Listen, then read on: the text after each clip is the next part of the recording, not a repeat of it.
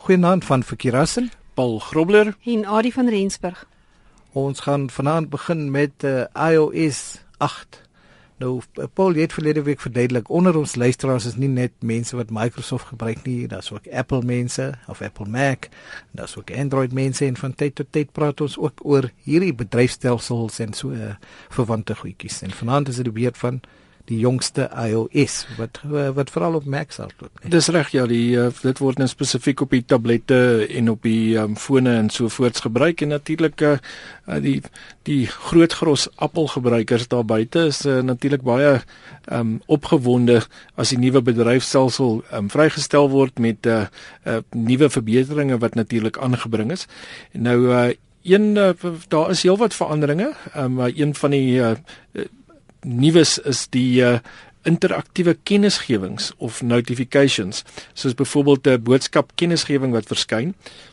En dit is dan moontlik om dadelik te antwoord deur die kennisgewing na onder te trek sodat 'n teksveld verskyn uh, die boodskap dan te tik en die SMS of die iMessage word gestuur. So 'n maklike manier om um, vinnig te reageer op 'n boodskap en ek dink natuurlik gaan dit deesdae is dit maar die inding is ons wil so vinnig as moontlik kommunikeer um, en met uh, mekaar gesels um, as dit die regte term is ek, ons gesels deesdae ons nie meer regtig deur ons stem te gebruik nie. En dan kan jy seker hierdie boodskap ook 'n uh, eh, bietjie vinniger tik met QuickType. Ja daar's uh, dan nou die nuwe QuickType sleutelbord uh, en dit leer watter frases jy intik in watter taal. Dit sal nogal interessant wees om te sien hoe effektief dit met Afrikaans is.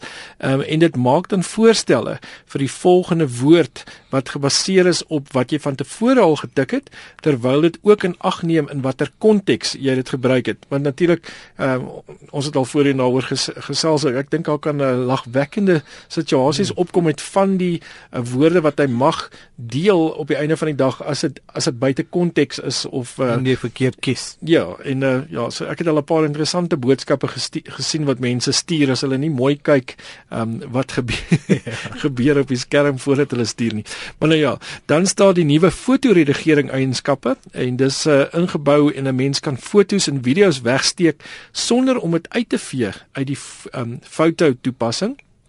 En uh, baie nuwe inhoudstipes is gevoeg, uh, soos byvoorbeeld Spotlight, uh, wat in Spotlight by, bygekom het, skus soos byvoorbeeld um, film vertoontye, um App Store resultate, iBook Store resultate, iTunes resultate, nuus, Wikipedia resultate, nabygeleë plekke ensovoorts. Nou, hoewel dit goed is, um, kan jy nou dink hierdie lys kan dalk nou nogal redelik uh, intensief lank raak, uh, lank raak en uh, die resultate verskyn nie altyd so lekker mooi op die um, foon as dit uh, natuurlik so lang lys is nie. Ehm um, nog 'n interessante ding wat ek dink is baie um, goed is die iPhone um, foon sal ook sy laaste ligging na Apple stuur net voordat dit die battery pap raak sodat dit moontlik is om dit te vind indien dit weggeraak het. Ehm um, so al het jou natuurlik as die foon beweeg het nadat hy pap geraak het, gaan jy nou gaan jy nie sy nuutste sy laaste plek ja, kry. Jy gaan weet waar die laaste plek is. So sou hy da, sou hy weggeraak het en hy bly natuurlik op dieselfde plek. Een van die redes hoekom jou foon plat is, is so seker omdat hy krag gebruik het vir die GPS. Ja, wat jy aangehou het. Wat ook al die geval mag ja. wees. Ehm um, ja, ek het myne na die dag in die ehm um, teater verloor en tot deur en hy het natuurlik pap geraak in die teater. Ek kan hom kan hom net nie opspoor nie, maar in elk geval. Ehm um, Shazam integrasie uh, veroorsaak dan nou dat Siri liedjies wat gespeel word kan identifiseer en 'n mens kan dan nou selfs kredietkaartnommers skandeer met die mobiele Safari webblaaier. Ek neem maar dis nou natuurlik om te betaal vir transaksies, nie om ander mense se kredietkaart besonderhede te te ontneem van hulle nie.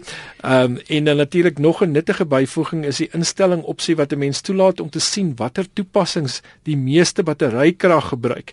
Uh en dan is daar ook 'n nuwe Wi-Fi um oproep opsie. Uh dis natuurlik ek het gesien BBM het ook mos die die Wi-Fi dat jy via um, Wi-Fi oproepe kan maak. Um en uh, daar is dus heelwat nuwighede ingebou. Uh hoewel dit nie opspraakwekkende veranderinge uh, is nie en uh, heelwat mense het gehoop dat daar verdere verbeteringe sal wees soos byvoorbeeld hulle praat van 'n split skerm uh multitaak verrigting uh sekuriteit teen diefstal maar hooplik sal ons dit in die volgende weergawe sien um, waar hulle dit moontlik gaan inbou. So tot dan en dit is dan iOS 9 kan jy intussen iOS 8 meer oor lees en dit sal wees by by uh, heelwat webwerwe nee Adi. Ja, natuurlik is daar heelwat webwerwe en daar's 'n groot bespiegeling natuurlik ook presies wanneer dit vrygestel gaan word. Ehm um, hulle verwag dat dit gewoonlik so teen so teen September. Ehm um, hmm. dis die verwagte datum vir die vrystelling daarvan. Nou ja, daar is um, webwerwe sien nou maar by pcmag.com. Dan is daar ook nog ene uh bgr.com en ehm um, natuurlik www.techradar.com. So daar's natuurlik baie meer, maar dis baie lang webwerwe hierdie so ek gaan nie probeer om dit eers uh, te noem, die hele webwerf te noem nie. Ja nee, ek wil ek dink as ons hierdie webwerwe moet noem, gaan ons dit môre hierso sit.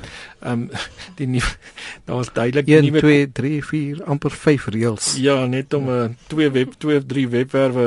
Nou ja, as jy natuurlik maklik hierdie skakels in die hande wil kry, is die maklikste plek hier by ons webwerf by rsg.co.za en daar gaan jy net onder uh, Chila tyd uh, kyk na die rekenaar rubriek en daar gaan jy hierdie web um, skakels kry sowel as natuurlik um, alles waaroor ons al voorheen gesels het en uh, nog baie ander interessanthede ook.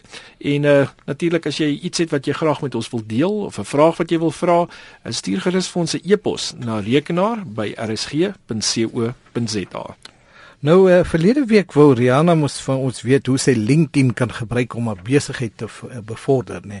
En toe het ons nou 'n uh, bietjie raad gekry van Bernard wat uh, Bernard wat, wat sê wat sy naam nou Adie en hy sê hy gee raad oor hoe Google My Business gebruik kan word. Ja, ek neem aan jy sê maar sommer net Bernard. Ehm um, ek sê maar Bernard, dis op die Afrikaanse manier uitspreek. Ehm um, nou hy is ehm um, baie erg in hierdie Google in en wat noem jy dit? Google AdWords, AdSense wat noem jy al daai hmm. goed.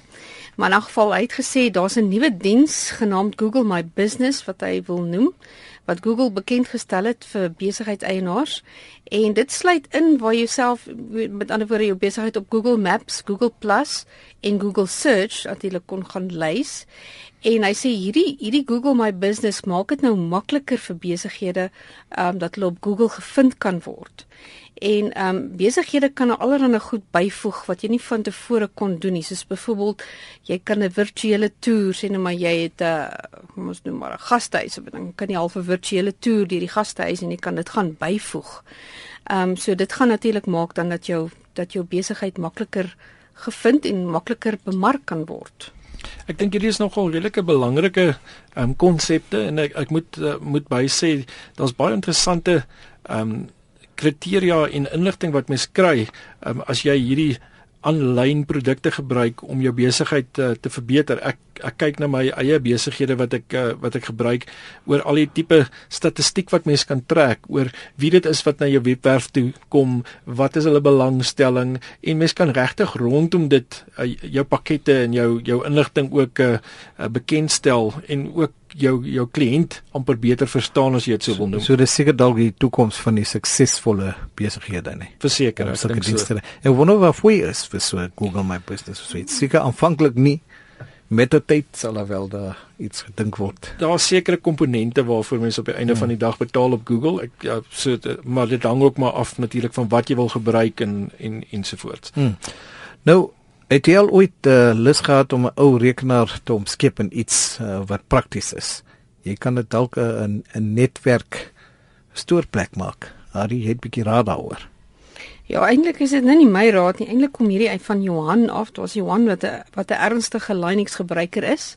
En ehm um, hy sê as jy as jy 'n ou rekenaar omskep in 'n NAS of 'n network attached attached storage toestel, dan kan jy ehm um, gaan na www.howtogeek.com en dan daar's 'n webwerf wat vir jou kan sê of artikel daar wat sê how to turn an old PC into a home file server.